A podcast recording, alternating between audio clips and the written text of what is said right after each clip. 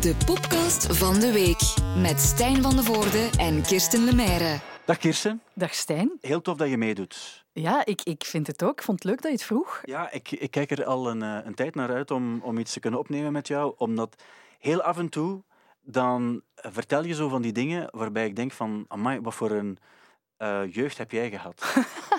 en dan be- bedoel ik dat positief en heel muzikaal op een manier waarbij ik dat, dat eigenlijk nooit hoor van vrouwen. Ah ja. Bijvoorbeeld, dit heb je me ooit verteld.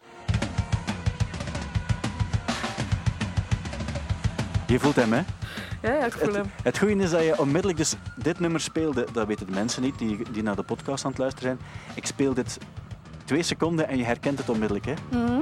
Ik denk het, ja. Wie, wie horen we hier? Het Welke is iets band? met eh, in het publiek springen en gewoon op de grond tetsen eigenlijk. Dus jij als teenager, en dan spreek ik over, hoe oud was je dan? 16? Ja, ja 16, 17 16, denk 17. ik. Ja, Dan was je ook fan van verschillende soorten muziek. van van alles. Maar ook van Biohazard. Ja, En ik vond dat ook goed, want het is van die Urban Discipline plaat. ook. absoluut. Ja, ja, ja. En je bent toen ook gaan eh, crowdsurfen ja in, ehm, in de Brilpoort. in de in. Ja, het was, het was eigenlijk niet mijn plan. Ik was met eh, mijn vriendin Celine eh, uit de buurt van Sint-Niklaas eh, voor, voor, de- voor, het, voor de Petit. Maar die was mee naar Biohazard en die was wel nog een pak stoerder. Dus die had Ja. zoiets van, kom, we gaan op het podium op een bepaald moment. En ik denk van, ja, goh, het moet eigenlijk niet, maar goed, bon. Celine trekt me mee op het podium. En net op het moment dat we op het podium staan, stopte, was het nummer gedaan. Dus ja, dat is Dat is nooit een lullig. Moment om dan te springen nog. Nee, dat is heel lullig om dat te doen. Maar Celine die dacht, ik ga ervoor. Ik ga springen, no matter what. Dat is dan ook gebeurd. En die is gesprongen en daar stond niemand klaar. Nee. En het gevolg is dat het, eh, de avond Biohazard, die heel gezellig had kunnen aflopen, in het ziekenhuis geëindigd is. Ja. Ja. Maar ehm, eh, jij was het niet. Ik was het Dat niet, nee. Ik ben iets. voorzichtig eh, van gewoon weer van het podium gestapt. Ik ben niet gesprongen. Ja. En dan maandag heb ik in mijn, eh, in mijn programma heb ik dan een nummer gespeeld. en ik mocht het dan in jouw programma eigenlijk al, al aankondigen dat ik dat ging doen. Ja? En dat was dit nummer. Ah, ik, ja. ik krijg daar al kippenvel van gewoon, hè? Maar ik ook eigenlijk. Ja. En dus ik dacht, we hebben eigenlijk nog vrij veel. We hebben ongeveer dezelfde leeftijd. Hè? Ja. En Biohazard, ik vond dat ook eigenlijk heel goed. Is Die- een genre zo, ja. ja, toen, in die, Ja. tijd, in die tijd was dat ook gewoon, was dat ook gewoon echt goed. Dat was een ding. Dat was een ding. En, maar dit nummer is natuurlijk van een pak later. Dan zitten we begin jaren 2000. Hm? En dus ik had ook in jouw programma dan iets moeten inlezen van ja, ik, straks ga ik dat spelen, goede covers. Ja. En dit vond ik een onwaarschijnlijk cool nummer. Het is een cover van Phil Collins, Against All Odds. En dit stuk is zo zweverig. En dan kan je zeggen van ja, het mag wel eens gaan gebeuren. Maar dan, hè? Maar vaak gebeurt het niet bij dit soort nummers. Dan denk je van, eh, wat, wat heb ik, waar heb ik die twee minuten van mijn leven nu aan gespendeerd? Het Mhm. Ja. coole is aan dit nummer, ehm, we kunnen nog even praten, want in dit, nummer, eh, dit stuk van het nummer gebeurt het Nee, niet. je weet wanneer het precies gaat Voilà. gebeuren. Hè? Maar je had er een beter verhaal bij. Want bij mij was het gewoon van, ik luisterde er wel graag naar en ik vond het een onwaarschijnlijk goed nummer uit die soundtrack van Wicker Park. Ehm, maar je had er een beter verhaal bij. Ja, ik heb dat nummer de allereerste keer gehoord in een auto in Los Angeles. Samen met Jimmy Tamborello van de Postal Service, die eigenlijk net de lyrics had gekregen van Ben Gibbard, die dit inzingt. Ja. Wacht, hè, we zijn er. We zijn er. Wacht, hè. nu even luisteren. Ja. Dit is zo goed. Oké. I wish I could just make you turn around. Turn around and see me cry. There's so much I need to say to you. So many. Dus ja, ehm, heel schoon, heel schoon. Maar ik herinner me dat moment dus echt nog heel goed. Ehm, ja, in, we zaten in die taxi en ja, dat is een heel lang verhaal. Ik heb, ik Ja. heb vroeger nog muziekdistributie gedaan, whatever. En de Postal Service was een van de bands waar we mee samenwerkten. Dat zijn Ja. vrienden geworden. Ehm, En dat is vooral, voor alle duidelijkheid ook Ben Gibbard van Dead Cat for Cutie. Ja. Die, die doet hier ook de stem. Ja. En hij was een van de twee eigenlijk. Hè? Ja, van- ze zijn met drie, hè. Jimmy Tamborello, Jenny Lewis, de zangeres, en dan eh, Ben Gibbard. Dus eh, zij drie samen zijn de Postal Service. En ehm, ja, in één keer zegt hij, ah, ik, heb echt, eh, ik heb echt iets cools eh, teruggekregen, we hebben daaraan gewerkt en ik denk dat het af is. En die zet dat op, op echt zo nog een cd'tje in de auto. En ik weet nog dat ik in die auto zat en, en dat ik dacht van, maar wauw, Ja. echt wauw, wauw, wauw. En Ja, telkens als ik dat hoor, denk ik aan Los Angeles en dat cd'tje en de Postal Service. En dat was, ja, dat was echt een leuke tijd. Jenny Lewis bijvoorbeeld ook, die is nog in Gent komen logeren bij ons. Is echt? Ja, en dat was... terwijl, voor alle duidelijkheid, want ik wist niet dat, die, dat zij bij de Postal Service zat. Ja, ja, ja, maar ik ja. geloof, ik geloof Ja, je ja. wel, hè, maar ik, ik wist dat helemaal niet. Want, Ja. ik, ik, eh, want je hebt zo ooit een, ooit een de, de, de District Sleeps Tonight en zo, Ja. dat soort nummers. Eh, daar, daar hoor je haar toch niet in, hè? Jawel. Is echt? Ja, ja, ja, Amai, ja, ja. Ik, ik, ik, ha- ik heb haar er nooit in gehoord. Die zijn nog in de club komen optreden in de AB, nog niet zo lang geleden, toen het, ik denk, tien jaar of zo de Postal Ja, ja, Service ja. die plaat was. En ze was er toen ook bij. Ah, dus, eh, met Want bij ons is Jenny Lewis nooit heel groot geweest, maar in Amerika was dat echt, in de- bij de Indie Kids was dat een, een godin, hè? Ja, ik ben nog gaan shoppen. Allee, dat is dan meer zo'n klein verhaal, maar ik ben Ja. gaan shoppen met, met Jenny Lewis in L.A. En zij gaat eh, altijd naar van die tweedehandswinkels. En dus als je met Jenny Lewis op straat loopt in L.A., ja, ja. alle indie kids die komen naar haar, die willen een foto, die willen een handtekening en die willen vooral zien wat ze in de thrift store ruilt en, en koopt. En dan staan die klaar om eigenlijk te kopen wat zij juist heeft binnengebracht. Dus ehm, ja, heel, hele, hele toffe mensen, hele toffe band en, en ja, gewoon hele goede muziek. Hè. Ja, absoluut. Vond ik ook eigenlijk wel. Hoewel, jij vertelde wel dat je niet zoveel had met, met Dead Cat for Cutie. Nee, omdat ik, ja, dat is mij zo net iets te. Poppy is het woord niet, maar zo iets te gelikt of zo, iets te Ah afgelikt. ja, ik vind, dat, ik vind dat wel meevallen ook eigenlijk. Want die, die Transatlanticism bijvoorbeeld, Mooie plaat, ehm, vind ik een heel mooie plaat. Zo. Dat Ja. vind ik wel een heel mooie plaat. Maar goed, ja. ik- Maar de stem van Ben Gibbard, ja, daar kan niks tegenop. Hij geeft die iets en die zingt dat. Ik bedoel, allez, Phil Collins, ik denk als hij dat hoort, dat hij wel zoiets zal zeggen van, amai. En zijn cover, die je in heel slechte kwaliteit op YouTube vindt, van, eh, van Thriller van Michael Jackson, is ook supergoed. Ja, wel, maar die kan heel veel stijlen aan, gewoon omdat hij Ja. gewoon zo'n danige... Er zijn niet veel mannen die zo'n... ah, Ik weet niet, of er zijn wel veel mannen met een goede stem, maar, maar hij kan zo ja, alle registers aan. En dat kunnen dan weer minder muzikale Snap ik. Ik kan het ook niet, moet ik toegeven. maar ik luister er wel graag naar. Wie eh, heel veel registers aan kan, is ook Mariah Carey. Ja, Zij heeft een stembereik van hier tot, tot zeer ver. Ze brengt ook deze week een boek uit, The Meaning of Mariah Carey. Ja. Het gaat over, over haar leven. Eh, ook goed dat ze dan over zichzelf spreekt in de derde persoon. Maar goed, dat ja. snap ik wel om commerciële redenen. ja. En een van de hoofdnieuwigheden in dat nieuwe boek is het verschijnsel van haar indie-project uit 1995. Ik heb dat ergens gelezen, maar dat was, ik vond het hilarisch. Ik dacht, maar hoe klinkt dat dan? Mariah Carey, die grunge. Ja, doet. wel, het, is, het is zo dat ze een, eh, een plaat heeft gemaakt in 95 ongeveer. Een, eh, een, een album dat Daydream heet. Maar ze vond het nodig om daarnaast ook nog een indie-project te hebben. Nu, we hadden het net over Jenny Lewis en Postal Service. D- Dat verstaan wij onder indie. Ja. Nu, ik weet niet of Mar- Mariah Carey hetzelfde onder indie verstaat als wij eronder verstaan. Nu, ze heeft dan... De, blijkbaar, terwijl ze aan die plaat werkte, die van die hele vlotte Amerikaanse R&B met, met soul-invloeden eh, is, heeft ze dan een, een, een zijproject. Een beetje, ja, ze heeft er nummers voor gemaakt, ze heeft geproduced en ook backing vocals gedaan. Ja. En haar eh, eh, manier van indie eh, maken klinkt dus als volgt. De band heet Chic eigenlijk. Het was een geheim dat zij er iets mee te maken had. En dit is het nummer Malibu.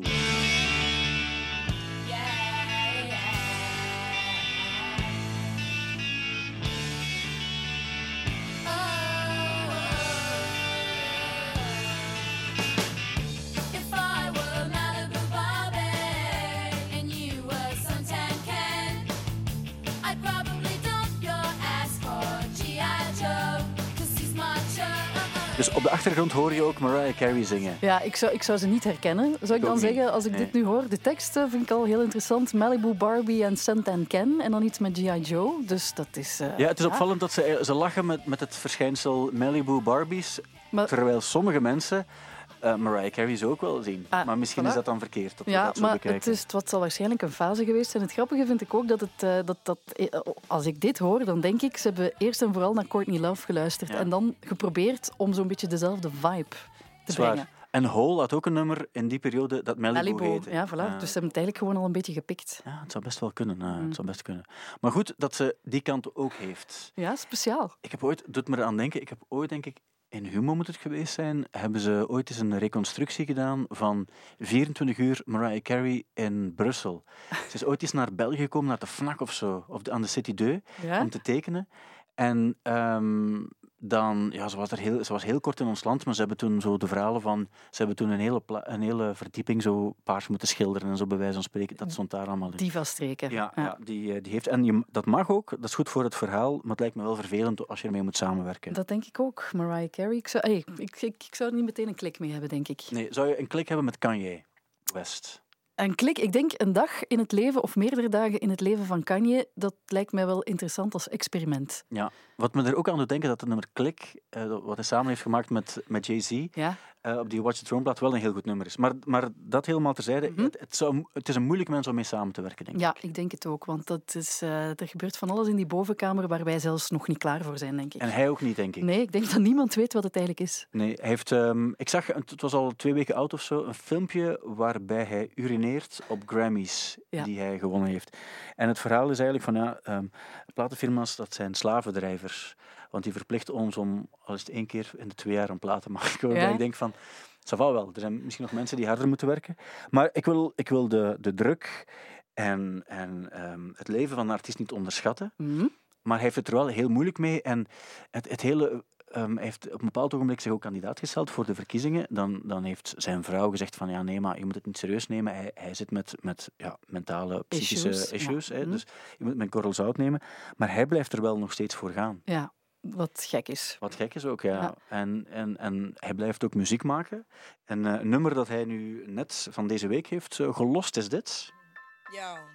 Dan ik je, ah, tof om Lauryn Hill nog eens te horen. Ja,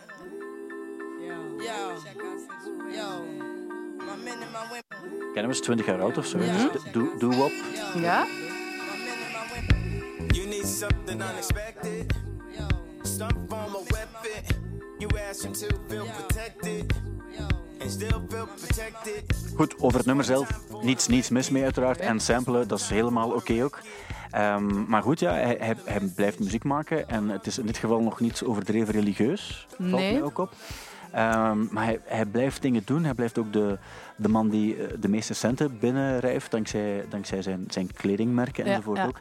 Maar vind je hem een fascinerend figuur? eh, om, of vind je hem ook een interessant muzikant? Vraag ik me nog af. Nu in deze tijd. Ehm, ik, er is één plaat van Kanye en ik kan die echt op repeat zetten. Eh, ik die ben- eh, college dropouts? nee, de, de, allee, waar Runaway en zo op staan. Ik Ah, ben heel die- slecht in titels, hè, maar die, die plaat... 808 en Heartbreaks? Nee, Wacht, wat heb je dan nog? de titel is... My Beautiful Ja, My Twisted Beautiful Dark Dark, Fantasy. Twisted Fantasy. Ja, ja, Die- dat was wel dat vind ik echt een, goede hele goede plaat. En daar staan echt dingen op waarvan ik denk, die gaat hij nooit meer maken. Maar Kanye is, ja, is die interessant om te volgen als figuur. Ja, gewoon om te zien wat voor fratsen of wat, wat voor dingen er gebeuren. Maar ik weet niet of hij dat niveau van, van muziek maken, of hij dat nog gaat... gaat halen. Want ehm, volgens mij hij vooral gefocust op dat religieuze. Hè. De, de, de, het Jezus-gehalte in alles wat hij doet is eh, zeer groot. Ook bij dat kandidatuur, eh, zijn, zijn kandidaatstelling voor het, eh, om president te worden, daar, daar gaat het dan ook over. En aan iedereen vraagt hij van, ja, maar geloof jij in God? Ja. En, en dat soort dingen. Dus het, het wordt een beetje, ja... Ik weet het niet. Vo- Volgens eh, de roddelpers liggen de, de scheidingspapieren al lang klaar ook voor, eh, voor Kim. Ah, dat wist Eh, ik niet. Ja, ja, dat las Ja. ik deze week ook nog ergens van. Kim ja. is het nu echt wel beu. Ze heeft het echt wel gehad om voor hem te zorgen. Ehm, dus er gebeurt zoveel in het leven van Kanye dat ik denk van dat muziek maken is misschien even op de achtergrond geraakt. En ik zag ook dat er ehm, een van die gasten reageerde, Hitbox, op, ehm, op het filmpje waar hij dus op de Grammy aan het, eh, aan het plassen was. En die eerst zei van ja, kijk, sorry, ik heb eigenlijk niks meer met Kanye, want die heeft mij een paar dingen aangedaan die ik ook niet leuk vond. Eh, en, en we hebben klik samen gemaakt, maar daarna is het, eh, is het eigenlijk eh, helemaal fout gelopen. Maar die ook zei van ja, ik ben, er, ben het er wel mee eens als het gaat over de muziekbusiness is gewoon een vuile business geworden. Het is, slavernij. Hij, hij- zei, hij zei van voor mij is dat net hetzelfde. Al die bekende nummers waar ik aan samen heb gewerkt, ik hou daar zeer weinig aan over als je het vergelijkt met ik weet niet, andere sectoren die dan wel, eh, die dan wel eh, zeer rijk worden van, eh, van heel kleine dingen. Dus Maar zouden platenfirma's er dan wel veel aan overhouden? Want natuurlijk, vroeger werden veel platen verkocht. ja, Dan nu betalen mensen 10 euro voor een Spotify-account. Mhm. En, dan, en dan is dat anders dan als je vroeger eh 70 of 80 euro aan, aan, aan platen of zo zou gekocht Ah, hebben. wel, ja, dat is dus de vraag. Hè. Zou, zou het nog goed gaan met die sector? Dat is, dat denk is, het niet. Dat is de Maar ja, vraag. minder, minder goed als vroeger sowieso. hè. Tuurlijk, Het zijn andere tuurlijk. tijden. Wat wel eh, opvallend was, is dat Kanye West eh, op een bepaald ogenblik gezegd heeft ik ga Trump niet zomaar veroordelen. En daarmee was hij ongeveer de enige eh, muzikant die, dat, eh, die Ja. dat heeft gedaan. Waarbij, waarbij ik het interessant vind ook om de vraag te stellen eh, hoe komt het dat eigenlijk geen enkele muzikant... want je weet, iedereen heeft recht op een persoonlijke eh, Mhm. mening, eh, politiek ook. Maar ehm, ja, muzikanten gaan zelden tot nooit de kant van Trump kiezen. Ja. Ja, dat lijkt Ja, mij. maar- Dat- Maar eh, oké, wij, wij, wij hebben daar ons... Als we, we hebben het, heb je het debat gezien of de hoogtepunten Ik heb de debat? hoogtepunten gezien en dan denk ik, ja, het is ook niet moeilijk. Ik bedoel, dat die- die Joe Biden probeert er nog het eh, schip recht te houden en die probeert er een, eh, Een menselijk beschaafd, gesprek. een beschaafd menselijk gesprek van te maken. En ja, Trump dat is gewoon een boer. Allee, dat, is, dat is echt, dat, die- daar kan je bijna geen gesprek mee voeren. Dus ja, en wat er in die vier jaar gebeurd is, wat er de laatste, het laatste jaar allemaal gebeurd is en hoe hij reageert op de dingen, ja, ik denk... De, de, de, meeste bekende muzikanten zijn mensen met een klein beetje verstand, of heel veel verstand, die ja, dan, dan die vraag stellen van waarom staat er niemand aan zijn kant. Ja. Het lijkt me duidelijk. Ik moet de vraag stellen. Ja, ik, snap eh, het de- wel. Ik, ik lees ook John Legend heeft na onmiddellijk of tijdens het debat heeft hij eh, getweet eh, We can't put ourselves through another four years of this walking dumpster fire. Ja. En dan heb je Chance the Rapper heeft ook nog gezegd van ja, het is eigenlijk op- opvallend dat je een, een president hebt die van die eh, vreemde, vreemde white supremacist eh, verenigingen nog vrij openlijk steunt. Ja. Eh, wat heel eerlijk is, maar ook extreem verkeerd. En heb je, je had Cardi B ook gezien, hè? Ja, die heeft er ook op gereageerd. Die was aan het kijken naar het debat en die riep iets. Ik verstond het niet. Eens luisteren. Dus het klonk zo. Joe, violate right now. Right now. Don't laugh. Just be like my nigga, you dumb. You dumb. What are you talking about? Violate right now. No, look at that nigga eye and violate right now. Don't look at the camera. Look right now. Ja, dat, het is ook opvallend dat ze het roept naar tv, snap ik ook wel. Ja, Maar ja. dat het dan op die manier ook eh, zei van dit moet ik delen, want hier gaat de mensheid iets aan hebben. Dat vind ik dan nog een stap verder gaan. Wat het, wat het ook wel boeiend eh, wat het ook wel Er boeiend waren mensen die onder het filmpje reageerden. Amai, het is tof om jouw living eens te zien. Nu weet ik dat mijn living er eigenlijk veel beter uitziet. Zo. Het is, je denkt dat... Vroeger zagen we MTV Cribs en dan denk je, die Ja. mannen wonen allemaal in een paleis en dan Ja. blijkt het nog wel mee te vallen. Ja. Hoewel jij soms dankberichten krijgt van mensen eh, als je web speelt, Ja. dat, je het, dat je het anders... Nee, je, gaat het niet verbloemen, maar je gaat het... Woensdagnamiddag zeg ik vaker eh, worst, appelmoes, patatjes. Ja. Omdat, eh, omdat ik weet, op woensdagnamiddag eh, rijden er veel mama's en papa's en grootouders en onkels en tantes met de kinderen rond. Ja. En dan heb je het ding in een auto van... Wat, wat is dat? Wat wil dat zeggen? En gisteren was het blijkbaar zover. En heeft er iemand mij gestuurd... Dankjewel, mijn achtjarige vroeg... Mama, wat is web? En nu zegt hij ook worst, appelmoes en patatjes. Ehm, S'avonds kreeg ik nog een ander bericht van de mama van, eh, van de school waar mijn kinderen zitten. En die zei, ah, we zaten in de auto en, en hij was aan het presenteren. En ik zei, ah kijk, dat is de mama van. Hè? En ehm, net op dat moment eh, zei die kleine van, ah ja, ah, ja oké, we gaan luisteren. En op dat moment kondig ik, ik wil je seks aan. Ja. Ook, heel vervelend, ook heel vervelend natuurlijk. Maar goed, ehm, kijk, ik, misschien moet ik op woensdagnamiddag gewoon een aangepaste playlist maken. Maar ik snap het ook wel. Maar ik vind ook... eh, want je kan zeggen, ja, maar zeg het tegen de kinderen zoals het is, maar niet tegen acht, achtjarigen zo. Nee, nee, nee. Ehm, als, als, eh, in, in het geval van mijn dochter, die is 14, Mhm. die heeft dat ook al gevraagd. Waar gaat het over? Want Ja. ze was het eigenlijk uitgebreid aan het meezingen. Ja. Dan kan je het wel uitleggen. En dan krijg je ah te horen. En dan denk ik van, ja, oké, dat is oké, dat is binnengekomen. Wat en dan eh, eh, gaat, gaat, het, gaat het daarover. Ja, ja. Dus dan, maar wat ik heb gezegd, wat niet wil zeggen dat het geen, geen goed nummer kan zijn. Maar weet wel waar het over gaat. En dan ja. moet je het zo in een soort van context eh, plaatsen. Ja. Ehm, er is ook iets eh, interessants. eh jij had het er ook nog over, je had het me doorgestuurd eigenlijk. Het heeft te maken met een soort van project waarbij heel wat muzikanten een, ja, een, een verzamel-cd maken, maar niet zomaar een, een waar 80 nummers op staan. Eh, Good Music to Avert the Collapse of American Democracy. Ja. En dan zie je dat Fleet Foxes erop meedoen, maar ook Arcade Fire, Pearl Jam, David Byrne, Jenny Lewis, Ja. jouw goede vriendin die ooit nog bij jou thuis heeft geslapen. Yep. The War on Drugs, eh, TV on the Radio. Die geven dan nummers. Mensen kopen dan eh, een pakket met 80 nummers in, eh, met 80, eh, een, een zak met 80 mp3's in, denk Mhm. ik. En dan steunen ze op die manier ook mensen die andere mensen ertoe aanzetten om te gaan stemmen. Wat, want je hebt in de Verenigde Staten geen, eh, je hebt stemrecht, maar geen stemplicht. Ja. Waardoor ze zeggen, maar kijk, als alle mensen echt eerlijke mening zouden geven, zou het er eh, allemaal democratischer uitzien.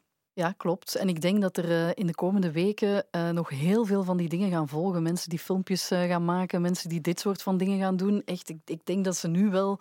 Dit is het moment om, om echt mensen, en, en jonge mensen, en, en mensen die naar muziek luisteren, en die misschien die andere kanalen iets minder volgen, maar om ze, om ze te gaan oproepen, om, om echt te gaan stemmen. Want het is, Ja. het is belangrijk. Ze willen een verandering, ja, dan, gaat het, dan gaat het ergens van moeten komen. Hè? Ja, dat begrijp ik. Ik heb ook eens ge- ik heb het pakket nu al gekocht. Ah ja, zo ben je dan wel weer. hè? Ik vind, ik ben pro-democratie. Je, En, bent- je ehm, wil vooral al die nummers horen waarvan er waarschijnlijk heel veel gaan tussenstaan die je nog nooit hebt gehoord. Wel, ik had bijvoorbeeld eh, No Woman van, eh, van, ehm, Whitney? van Whitney, vind ik een, eh, een cool nummer. En ik ben ook een grote fan van Phoenix. Ja? En ik dacht, oké, als Phoenix dat nummer covert, wil ik het wel eens horen. Ah, Heb jij ja? het al gehoord toevallig? Nee, nee, nee, nee. Dit klinkt zo. live drinking on the city train to spend some time Then one morning I woke up in LA. Caught my breath on the coast.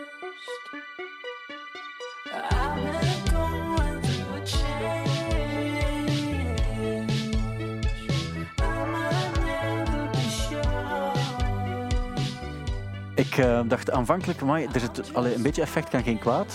Maar er zit wel heel veel effect op, hè? Op Het is heel stem. veel autotune, maar eh, het register van zijn stem is wel, komt een beetje wel in de buurt van de zanger Ja. van Whitney. Dus ik vind het mooi. Hij kan het ook wel. En ik, ehm, ik, wat ik heel cool vind aan die, eh, aan die zanger van Phoenix, die eh, Thomas, Thomas Mar, Mars of zo heet hij, Thomas, denk ik. ja. Thomas, Eh, Thomas moet is Frans eigenlijk, hè, natuurlijk. Ja, het is waar. Die, ehm, ik heb er dus ooit iets mee meegemaakt. Ik, misschien heb ik het ooit al eens verteld. Maar die waren hier voor een sessie te spelen. En ik deed toen een, een avondprogramma.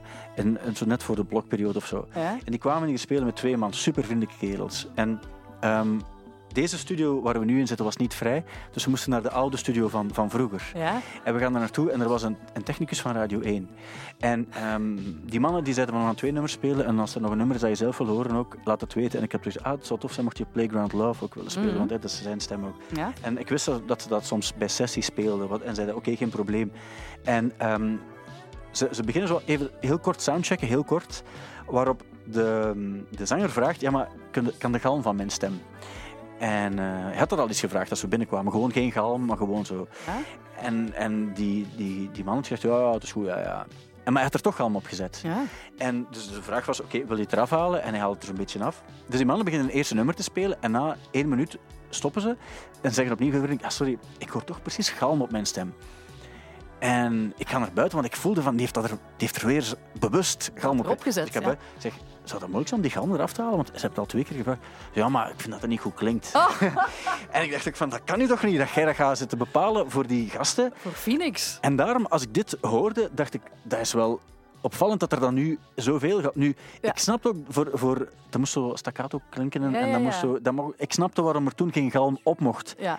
Maar nu is het er wel... Ommekeer, het is een Het is, ommekeer. het is een ommekeer. Ze zijn nu plots voor de effecten, voor de hele, hele groteske effecten eigenlijk. Ja, maar we moeten... het- Allee, Het is ik- wel mooi. Het is wel mooi. Ja. Ik wil jou nog iets laten horen, want ik heb een beetje... pff, Ja, ik heb me wat druk gemaakt deze week op de redactie. Ja. Eh, vooral inwendig, want ik wilde me ook niet echt moeien. Maar ik had... Je weet, we hebben zo Catch of the Day. Ja? En stuur jij soms dingen door van Ja. dit is leuk? Ik ook, Ja. ik ook.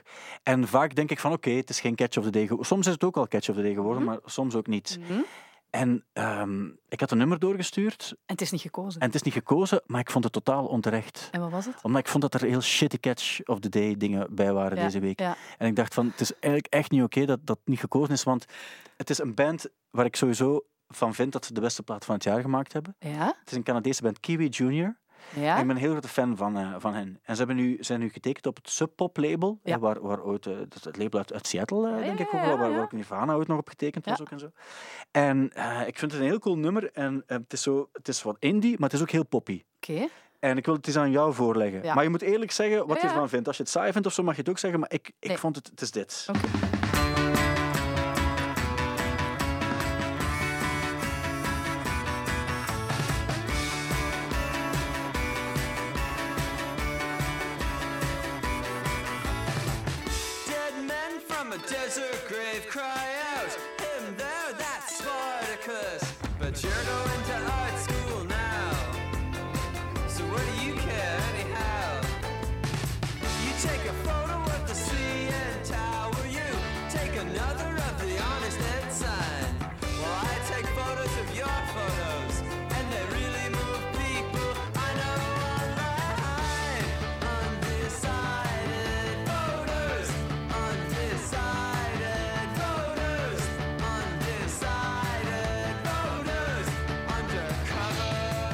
Ik vond het ook wel heel eh, actueel, want het gaat over undecided voters. Ah, ja? Dus waar ze in Amerika heel veel schrik van hebben, want je weet niet wat die mannen gaan doen. Die, die durven al eens eh, wisselen. En wat vind je ervan? Ik vind het heel catchy, ik vind het heel leuk, toffe stem. Maar weet je wat ik denk dat het is? Ja? Het is te, te zomers. Ik Ah, denk dat maar we nu op zoek zijn naar zo van die herfstige, ja. zielige dingen misschien zo wat meer. zo, of dat één nummer daar, wat was nu weer? Eh Machine Jonsi. Jon- ja, Machine Gun Kelly vond ik verschrikkelijk. En dan, maar dat mag ook. Hè. Ik vind, pas op, ik vind het goede aan die Catch of the Day wel, dat je, je moet het eens gehoord hebben. En ik Ah, ben ja, blij dat ik Machine Gun Kelly gehoord heb. Maar ik denk, dit moet je de mensen toch geven, waar, daar worden ze toch heel gelukkig van. Ja, ik vind het joy and happiness. Ik zou, ik zou zeggen ja. Het is echt een goede band, Kiwi, Kiwi Junior. Junior. Kiwi Junior die, die gast heeft ook echt een goede stem. Ah, Wel, die zit zo op Steven Malcolm-achtig, maar, dan, Ja. maar dan gaat hij niet zo de, de uithoeken opzoeken. Hij Nee, gaat nee, niet, nee. niet provocerend vals En niet de... Ja, ja. ja. ja, dat doet hij nu ook, dat doet hij ook niet. Eh, Oké, ik had nog een eh, belangrijke mededeling. Als er mensen op eh, vrijdag luisteren, dan moet ik zeggen vandaag. Als je op zaterdag luistert, moet ik zeggen gisteren. En op zondag moet ik zeggen eergisteren. Het heeft te maken met een aantal platen die jarig zijn, waren op vrijdag 2 oktober. Mhm. Ehm, ik wil graag iets... Dus een, een eerste waar ik... Ja, je weet dat we op vrijdagochtend ook tussen 6 en 7 het volledige album gespeeld hebben. Ja. Wha- What's the Story Morning Glory? Mhm. Ehm, ik wil er niet te veel over vertellen, omdat ik probeer... Dus Oasis, zelf in het programma op maandag heb ik het nog niet gespeeld. Is het echt? En in King of Pop heb ik nog geen enkele vraag gesteld over Oasis. Omdat ik ook soms denk van... Mensen gaan anders zeggen, is daar weer. Ja, voilà. En ik, ik luister ook naar heel veel andere goede dingen. Zwaar. Wat niet wil zeggen dat het een van mijn favoriete platen aller tijden is. Mhm. En Noel Gallagher is teruggegaan naar de studio waar hij het album heeft opgenomen in Wales, de Rockfield Studios. Ik ben er dankzij Jos Wekers ook al eens geweest. Ja. Dat allemaal terzijde, maar het is Ja. omdat jij vertelde over Jenny Lewis dat ik iets tegenover hem zeggen. Ja. En, ehm, en ik, hij heeft, is, heeft daar verteld over die plaat eigenlijk. En ook over, over hoe die plaat er gekomen is. En ik geloof ook, want vaak worden er verhalen verteld en dan denk je van ja, het zal wel niet helemaal waar zijn. Maar hoe hij erover vertelt, ik geloof het wel. En dat is vrij spectaculair. Morning Glory is a it's weird because it's it's a, it's a weird record to talk about because it happened very quickly and no one's got a really great deal of recollection about any of it. I mean, I was talking to my manager the other day and I was I was saying how, how what do we know why it's why it was so quick and he said, well, you were booked in for six weeks, you finished it in three, and you had one of those weeks off because everybody fell out. So we did it in essentially twelve days, which is crazy when you think about it. We didn't know what the album would become or what it would mean today. My daughter is now 20 years of age and she gets people coming up to her saying, No way, did your dad actually write the song Wonderwall? And she'll say, Yeah. And she gets mobbed over it. Vind ik wel mooi eigenlijk. Allee, Het is niet mooi, eh, maar ja, je hebt niets met, niet zoveel met die plaat. Hè. Hm. Ehm, Op dat moment heb ik... eh, Nee, ik was, ik was naar andere dingen aan het luisteren. Wat niet wil zeggen dat ik dat een, een, een, een hele mooie plaat vind. Maar het is niet dat... Ik heb niet Nee. dat ding dat jij met, met Oasis Ja, hebt en ook met die plaat. hoe had hij het dan wel in die periode? Als, ja, maar ik vraag het me af. Ja. Want behalve Biohazard dan. hè. Ik, ik, ik ging heel veel naar ehm, de Democracy in Gent. Ja. Ik werkte daar ook als vrijwilliger om dan al die concerten te kunnen zien. Dus dat ging van de ene avond echt eh, hardcore punk tot eh, de volgende dag iets IDM. En het was alles door elkaar, maar niks groots Ja. of zo. Dus eh, ook heel veel van die bandjes bestaan nu niet meer. Ik weet, op dat moment wat ik heel veel luisterde toen was zo Fugazi. Dat is dan Ja. een, een, wel een bekendere band, maar zo... Ja, het was allemaal zo'n beetje underground, eh, daarom niet, maar zo geen, geen, grote, geen grote bands. Denk Maar ik. heb daar ook nog coole dingen gezien wel. Ik heb ooit Solwax gezien in het voorprogramma van Bark Market. Ah ja, Democracy voilà, ik was daar ook. Echt? Ja, ik, ja. ik ook. En ik vond Bark Market ook een heel coole Hele band. coole Die, band. die. Lard Room en zo vond ik heel goed. En ik heb ook nog... Heb ik nog gezien? Ik heb, Ik heb, die- ik heb Solwax nog in het voorprogramma gezien van Skunk en Nancy. Echt? In, ehm, in eh, Molenbeek. In de, In de VK? In de VK. Ma, Ja, en ik ben toen naar huis gereden met Solwax, want ik, ik, ik had mijn trein gemist. echt? Ja. Ook goed. Voilà. Ik heb DJ Crush en DJ Shadow samen nog gezien daar. Ook in... Oh. Ook, ook in, eh, Ja, ja. in- en DJ Food was er ook nog bij. Ja, En ik moet toegeven dat ik DJ Crush niet gezien heb, want die was, dat was na vier uur of zo dat hij pas begonnen was. ja, ja of maar dat hij er toen, was. toen begon het daar echt in de Ja. Democracy. Zeker op donderdag. Er waren echt feestjes die tot, tot 's morgens zes uur doorgingen. En dan, dan had je vrijdag les, want ja, de studenten zaten daar allemaal. Ja. En dan was weinig slapen. Ik ging wel echt naar de les, maar ik zat daar altijd wel tot het einde. Ik moet toegeven dat ik, eh, dat ik, ik vond dat te laat. Zelfs toen. Echt waar, ik vond dat veel te laat. Ik was daar dan ook vrij op tijd, denk ik. Ja, oh ja, nee, en dan, ik, ja, kijk. maar ik kwam ook uit Sint-Niklaas, hè. daar was alles dicht om één uur. Ah ja, kijk, ja. Nog altijd Ik was trouwens. dat niet gewoon. Ik was helemaal, maar echt waar, ik was ook echt helemaal niet gewoon, want dan spreken we echt over 1997 ook of zo. Ja, absoluut. Maar ik vond het wel, ehm, ja, ik, ik, ik vond dat, dat was mijn jeugdhuisplaat eigenlijk. Ja, ja. Nu, een ander album dat ik ook heb gekocht, maar dan vijf jaar later, Mhm. eh, was eh, de plaat waar dit op stond. Ja. Ah, Ik, ik heb ooit ah. Radiohead gezien op een of ander festival en ze waren pokkensaai. Ja. Omdat ze hebben weer zo'n setlist voor zichzelf. Terwijl ik, had, ik heb ze ooit gezien in 97 in Vorst en dat was onwaarschijnlijk Ja. cool. Dat was zo de, de, de, de plaat die ehm, ooit met, met Paranoid Android en... ik Oké Computer. Oké Computer. En was een onwaarschijnlijke eh, setlist. En dan, ja, dan plots komt deze plaat uit in, in 2000. Ja, En ehm, was je kwaad? Nee, nee, nee, ik was niet kwaad, want dit was een van de eerste nummers hoorde. En ik dacht, en, en Idiotech ook. En dacht ik van, oh, vind vind ik wel goede, goede nummers ook Ja. wel. Maar ook een paar dingen dat ik denk van, zo opvullers en jullie kunnen veel beter. En dit maak je gewoon omdat je wil breken met het verleden ook en zo. Dat was ook zo, hè? En dat was ook zo. En dat mocht ook, want zo dat openingsnummer, waar ik ook een onwaarschijnlijk nummer vond, achteraf gezien. Ah, Ah, het is Everything in its Wrong Place hier eh, nu. Maar je hebt ook Everything in its Right Place. Dat is dan de, de remix. Ehm, dat was ook zo'n nummer dat heeft hij, heeft hij geschreven tijdens die tour die ik dan zag en die ik zo goed vond, omdat hij het succes en zo niet aankon. Hè. Nee, hij heeft dan een, eh, heeft dan een burn-out eh, Ja. gekregen. Eh, ze hadden er allemaal geen zin meer in. En ze vonden het vooral echt niet oké dat, dat iedereen oké computer aan het proberen nadoen was. Dat al die Ja. gitaarbands eigenlijk hetzelfde wilden doen als Radiohead. En dezelfde trucjes beginnen, begonnen te proberen en zo van dat eh, En ja, en dan hebben ze dus die plaat gemaakt die echt compleet het tegenovergestelde van eh oké computer was. En ik vond dat heel interessant, want daar zit zoveel in. Bijvoorbeeld die National Anthem, ja, die basriff, hè, die duurt dan bijna zes minuten. En Ja. dan is dat een heel free jazz nummer Ja. op het einde. Ehm, en dat heeft veel te maken met waar Tom York en de anderen dan waarschijnlijk ook naar aan het luisteren waren. Bijvoorbeeld, die had zich dan helemaal ondergedompeld in al die, ehm, ja, al die moeilijke elektronische muziek van Warp Records, Ja. onder andere Attacker, dat soort dingen, en, en Aphex Twin.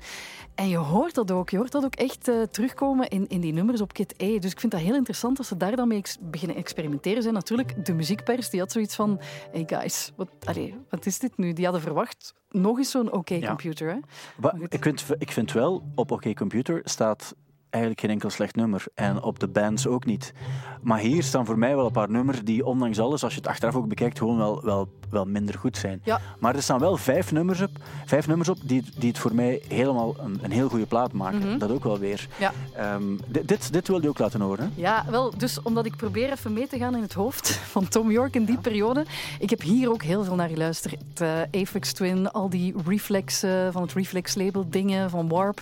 En dit is echt mijn allerfavorietste nummer van Aphex Twin. Girl Boy Song uit die EP.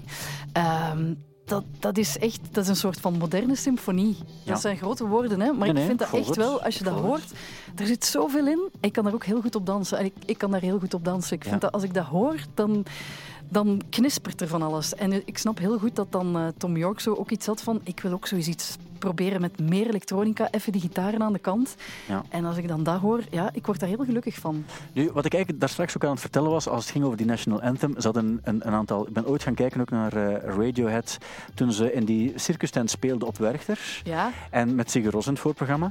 En dan vond ik het eigenlijk eh zonde dat er... Ja, het was echt zo, zo gezegd voor de fans. Maar ik denk ook, fans vinden, vinden goede poppynummers ook leuk. En ze hebben toen zo vijf of zes nummers naar elkaar gespeeld, waarbij ik dacht van ja... Dit is zo, hier doe je eigenlijk bijna niemand er plezier mee en jullie zelf ook niet aan jullie gezichten te zien. nee, nee. Maar dan plots komt die National Anthem erdoor en denk ik van ja, nu heb je het wel goed gemaakt is met één wel. nummer. Ja, ja. En Everything in its Right Place. Ik, ik, heb je die film ooit gezien, Vanilla Sky? Met Nee. Tom Cruise. Denk het niet. Dat is een, eh, een film die, die film is wat het, wat het is. Maar die is gemaakt door ooit de regisseur daar, die ook Almost Famous heeft gemaakt en voor Rolling Stone heeft geschreven en zo. Ehm amai, ik kom er niet op. Alleszins, hij heeft die film ook, eh, Cameron Crowe, Ah, hij heeft die film en, en Everything in its Right Place zit daarin op het ogenblik dat Tom Cruise door de straten van, van Manhattan aan het rijden is. Vrij lang, ik denk een minuut en een half, twee minuten, wat echt heel lang is voor een film. En hij stopt dan op een bepaald ogenblik op Times Square en stapt hij uit de auto en er is, er is niemand daar, het is helemaal leeg. En die scène is zo goed door de muziek. waardoor ik eigenlijk dat nummer pas ja, twee jaar later ben beginnen appreciëren. Door die ene scène. Er zit trouwens ook een... Um, Sigur zit er ook in die, in die soundtrack perfect verwerkt. Dan zie je dat die film gemaakt is door iemand die echt zo muziek heel, heel cool vindt. Oké, oké. En dat, dat, is, dat is zo... Als je de film nog niet gezien hebt, moet je eens kijken. Oké, we hebben nu wel helemaal over Girl Boy Ja, zitten babbelen, dus niemand even? heeft dat gehoord. Maar we kunnen straks volledig spelen. Ah ja, Is doe, goed? doe je dat? Op het einde... Ah ja. Het lijkt alsof je de, de podcast nog niet veel gehoord hebt, Kirsten. maar dat doen we altijd. We gaan het, ondanks het feit dat je me gekwetst hebt, toch volledig spelen dadelijk. Want het is, het is jouw keuze ook. Maar ik wil eerst nog iets anders vertellen. Dus ehm, nu gaat het over vrijdag eh, 2 oktober. Ja. Volgende week zitten we vrijdag 9 oktober. En dan zou John Lennon 90 gewo- eh, nee, 80 geworden zijn. Hm. En zijn zoon heeft een eh, documentaire gemaakt. eh, Sean Ono Lennon. Ja. Heeft Julian Lennon, zijn halfbroer, geïnterviewd. Maar ook Paul McCartney, Elton John enzovoort. In een, in een dubbele documentaire. En ze gaan dingen vertellen over hoe het was om, om samen dingen te doen. Zoals Elton John vertelt dan, ja, maar jouw, jouw pa heeft dan zijn laatste live optreden met mij gegeven. Hè, want hij had de weddenschap verloren. Hij had nooit gedacht dat we op één zouden geraken met onze single. En dat is dan toch gebeurd. Ja? En heeft dan met mij gespeeld in Madison Square Garden. En hij was zo ziek als iets. Hij was zo zenuwachtig omdat hij zo lang niet meer gespeeld had. En hij deed het ook niet meer graag. En zo. Dat soort dingen gaat hij vertellen. Heb ik al in een preview eh, gelezen. Ja? Maar ik dacht ook van, die kerel... Ik denk niet dat het een leuke kerel was, John Lennon. Ehm, nee, maar ook daar, allee, daar, daar wil je toch gewoon niet om die. Ik zou die nooit willen geïnterviewd hebben of zo, want ik zou, ik zou ook helemaal ziek geworden zijn, denk ik. Mocht, dat ooit gebeuren of gebeurd zijn. Maar, ik denk ja. wel, mee, mee een dag in het leven van John Lennon, dat moet toch zo fascinerend zijn. Ik bedoel, wat heeft hij allemaal niet gedaan? Wat heeft hij allemaal niet gemaakt? Wat denkt hij ook? Wat, wat- Ja. Die zei ook over alles iets, hè? Ja, en absoluut. En hij zei achteraf ook van, ja, ik zei zomaar iets. Soms was ik Ja. fout. En zo. Maar En dan ik nog, van- dan nog. Ja, ik, ik vind dat ook, want ik heb ook al dingen gezegd waarbij ik dacht van, wa- waarom heb ik dat toen gezegd?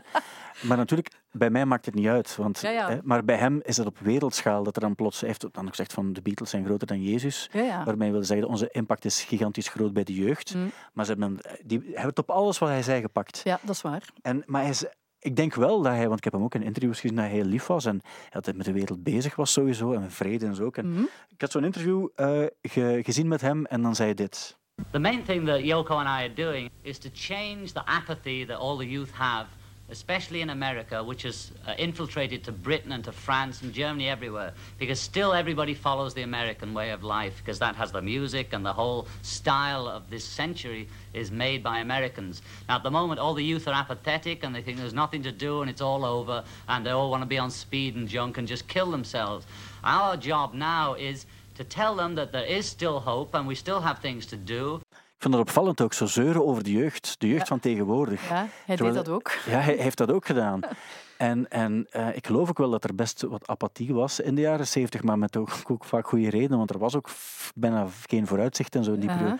Hij had over alles een mening en, Ja. en ook hoe wel bespraakt hij was. En wel dat ook, hè. Dan, dan komt er iets uit en dan zegt hij iets, maar alles wat hij zegt, of het nu over koeken gaat of over de apathie bij de, bij de Ja, jeugd, ja.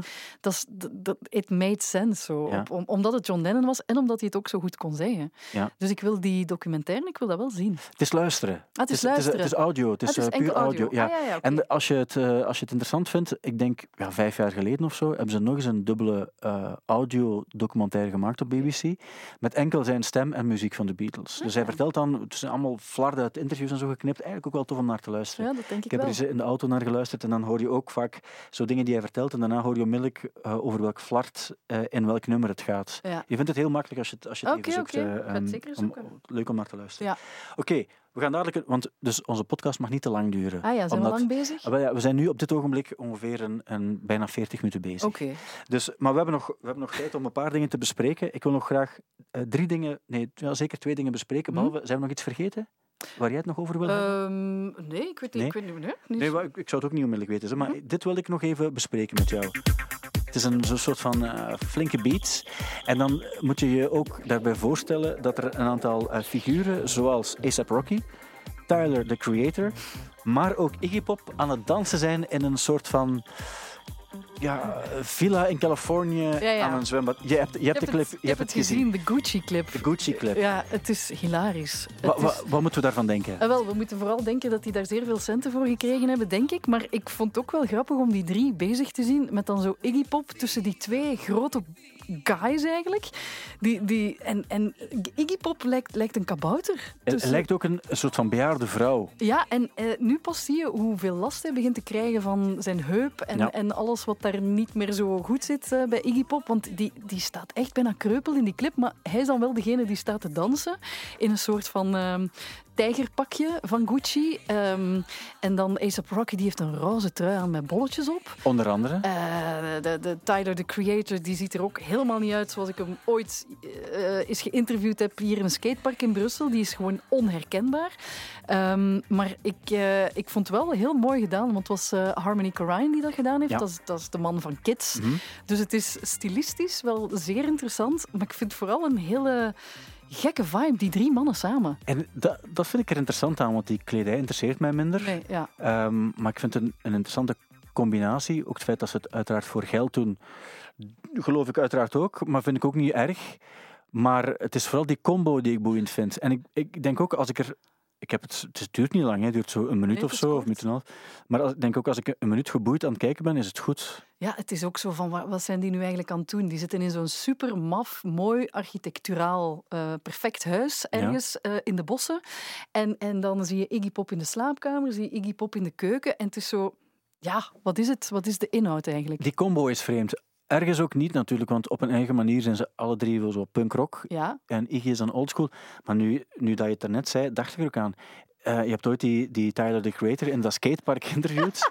en die was eigenlijk mm, eh, niet interviewbaar, hè? nee. Dus dat is, de, de- ik denk, het enige interview ooit waar, waar, waarop ik vooral gemompel heb opgenomen. Ja. Die had er hoegenaamd geen zin in. Nee. En ik was, ik was ook grote fan op dat moment. Dat was toen ja, de, de, de Wolfgang, eh, heel die kliek toen eh, Ja. waar, waar hij in zat. was eigenlijk super underground en heavy ook, en hè? heavy. Want die had en- toen in Brussel gespeeld, denk ik ook ja, ergens. in de recyclaar, als ik me niet ja, vergis. en dat, was, dat, was, dat zag er echt... Dat was net hetzelfde als de Stooges effectief. ja. In, in, in Detroit, eind jaren 60, eh, die concerten eruit zagen. Zo heavy zag het er daar Het was, uit. het was eh, niet de recyclaar trouwens, het was de chocolaterie. Dat was zo, en dat was met een, hele, ja, een heel laag plafond, herinner ik mij. Dat was een, een, een bar. En op een bepaald moment stond hij dan op die bar, maar echt te springen en te doen. En iedereen dacht van, oeh jong, hier, hier gaan echt accidenten Ja, ja, gebeuren. Want ja. dat was echt super lager dan de studio hier. Dus hier is het al vrij laag.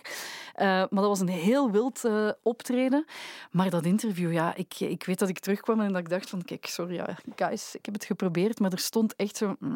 Nee. eh, yeah, hij, deed, hij deed het er ook om, want ik, ik weet Het was nog een filmpje ook. Ja, het- ik heb het filmpje nog gezien, want ik weet dat het aan zo'n skateball was en jij zat neer en hij ook. Ja, ja. Maar, maar op een bepaald ogenblik gaat hij ook gewoon weer weg. Ja, want hij had dan skaters gezien en dat vond hij dan wel interessanter, wat ik ook snap. Ik bedoel, als je, als je elke dag eh, interviews moet doen, dan eh, steekt dat waarschijnlijk ook wel tegen na een tijdje. Maar hij had dan een, skater gezien waar, waar hij van vond van wow, die is eigenlijk wel goed bezig. En dan liep hij weg en dan ging hij daarmee babbelen midden in het interview. Dus, ehm, maar goed, ik, eh, ik vond hem wel nog altijd sympathiek achteraf. Waar je bij sommige interviews achteraf dat je denkt van, amai, die, die ga ik nu nooit meer spelen, want die vond ik echt niet meer tof. Het was niet zo dat hij bewust aan... Alhoewel, ik denk ook ergens, als je, ofwel doe je interviews en dan doe je min of meer je best. Ja, Ofwel doe je het niet, denk ik vaak ook wel.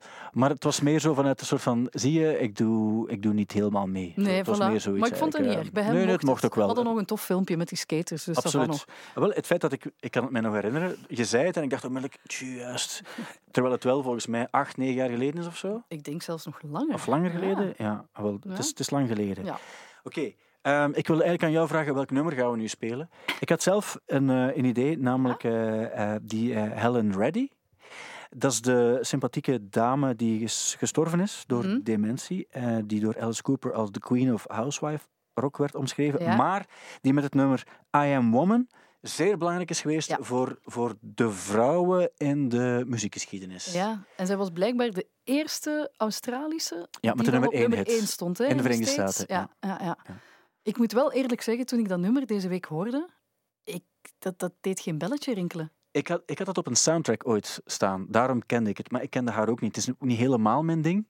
Maar ik heb wel eens iets gelezen over haar. En er is ook een, een, eh, een documentaire over haar leven gemaakt ook. Want ze, ze heeft drie keer op één gestaan in de VS als Australische. Wat, de, wat op zich wel nog, eh, nog, nog straf is. Maar haar verhaal is wel heavy, omdat ze, ze maakte nummers die op zich voor een breed publiek een basiskwaliteit hadden. Ja. Blijkt ook, want ze heeft 25 miljoen platen verkocht. Maar het coole aan, eh, bij haar is ook, ze, ze vond geen platenfirma, omdat platenfirma's letterlijk zeiden, maar vrouwen die muziek maken, dat is gewoon commercieel niet interessant eh, voor ons. Terwijl er in de jaren 70 wel al goede vrouwen, we hadden het net nog over de Carpenters bijvoorbeeld, hè, die, die, eh, die al goede dingen maakten Ja. in de jaren 70. Ehm, en dat verklaart ook wel heel veel. Want zij, zij is er dan ook voor gegaan. Hè. Ze heeft dan uiteindelijk ook wel, wel dingen kunnen maken ook, en, en, enzovoort ook. Maar dat verklaart ook het feit waarom er bijvoorbeeld, ehm, volgens mij dan in de tijdloze, er staan heel weinig vrouwen in. Omdat je weet, van, zelf al was je goed als vrouw. We gaan ervan uit uiteraard dat mannen en vrouwen even goede muziek kunnen maken. Ja, ja. Eh, maar dat je als vrouw ook gewoon geen kansen kreeg. Dus dan werden er ook weinig goede dingen uitgebracht. Er, zijn goede dingen uitgebracht, uiteraard. Maar je kreeg gewoon de kans niet om dingen uit te... En dat vind ik wel interessant. Dat verklaart ook heel veel over de, de muziekgeschiedenis. Mhm. Waarbij je, eh, als, weet, als vrouw sta je... eh is dat niet achter uiteraard, want je hebt hetzelfde meegemaakt. Maar, maar er is gewoon minder back-catalog om die reden. Om die reden. Ah ja, daar had ik zo nog niet over nagedacht eigenlijk. En daarom vind ik ook, ik ga nooit voor iets stemmen omdat het een vrouw is, Nee. omdat ik dat betuttelend vind. Terwijl ik ervan uitga dat er nu, als ik zie wat ik koop, dan is dat misschien niet 50-50, omdat ik vaak ook zo stemmen, dat, dat is ook een voorkeur. Hè. Soms Ja, kan je is zeggen, een, een mannenstem Ja, kan zo. Ehm, maar ik denk wel zo dat, dat wel 40-60 is of zo eh, bij ja, mij. goed. En dan denk ik van, dat is eigenlijk, maar ik doe dat niet bewust. Ik ga dat niet doen omdat Nee, het een vrouw is, want dat vind ik dan niet oké. Maar dat, dat vind ik dat zij eigenlijk op dat gebied iets, een, een, een soort van schoolvoorbeeld is. Van, Ja. Ze heeft ervoor moeten knokken en ze heeft dan een beetje de, het- de weg vrijgemaakt, voorzichtig, voor, voor, voor vrouwen zeker. Ja, Mag ik dat het zo zo housewife rock, dat vind ik dan wel weer een stomme term. Dat was ook gemeen ook. Ja. Dat, was echt Alice, dat was ook een voorbeeld van hoe het in de jaren 70 echt ook was. Alice Cooper die het belachelijk vindt dat vrouwen muziek maken. Ja. En dat is niet eens zo lang geleden. Nee, nee, voilà. Want wij zijn geboren in de jaren 70, als ik dat zo mag zeggen. Ja, ja, dat en dat is- niet onze fout. Dat is, gewoon zo gebeurd.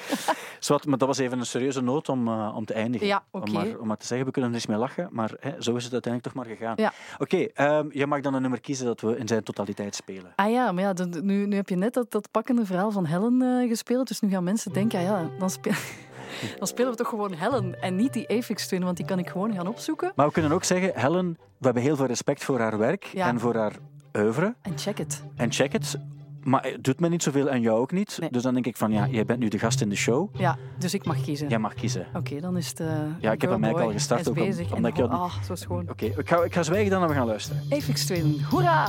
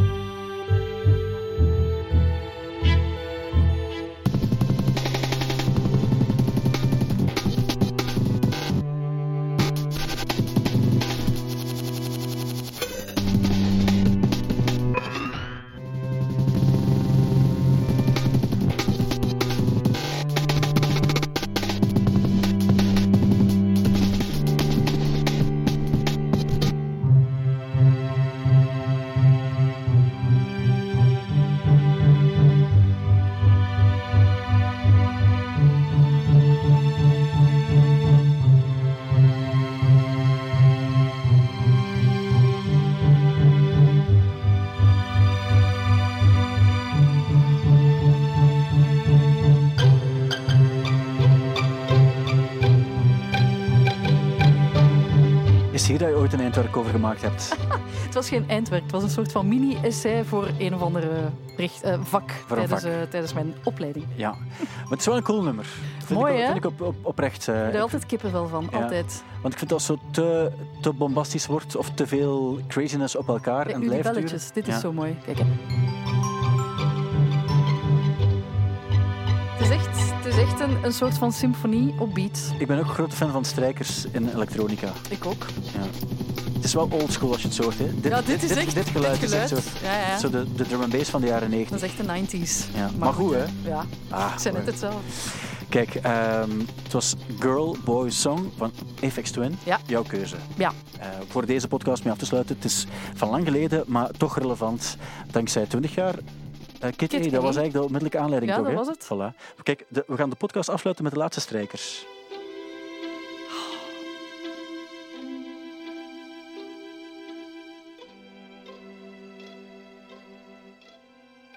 En zo is het gedaan. Dankjewel, Kirsten Lemaire. Graag gedaan. Dit was een podcast van Studio Brussel. Vond je hem leuk?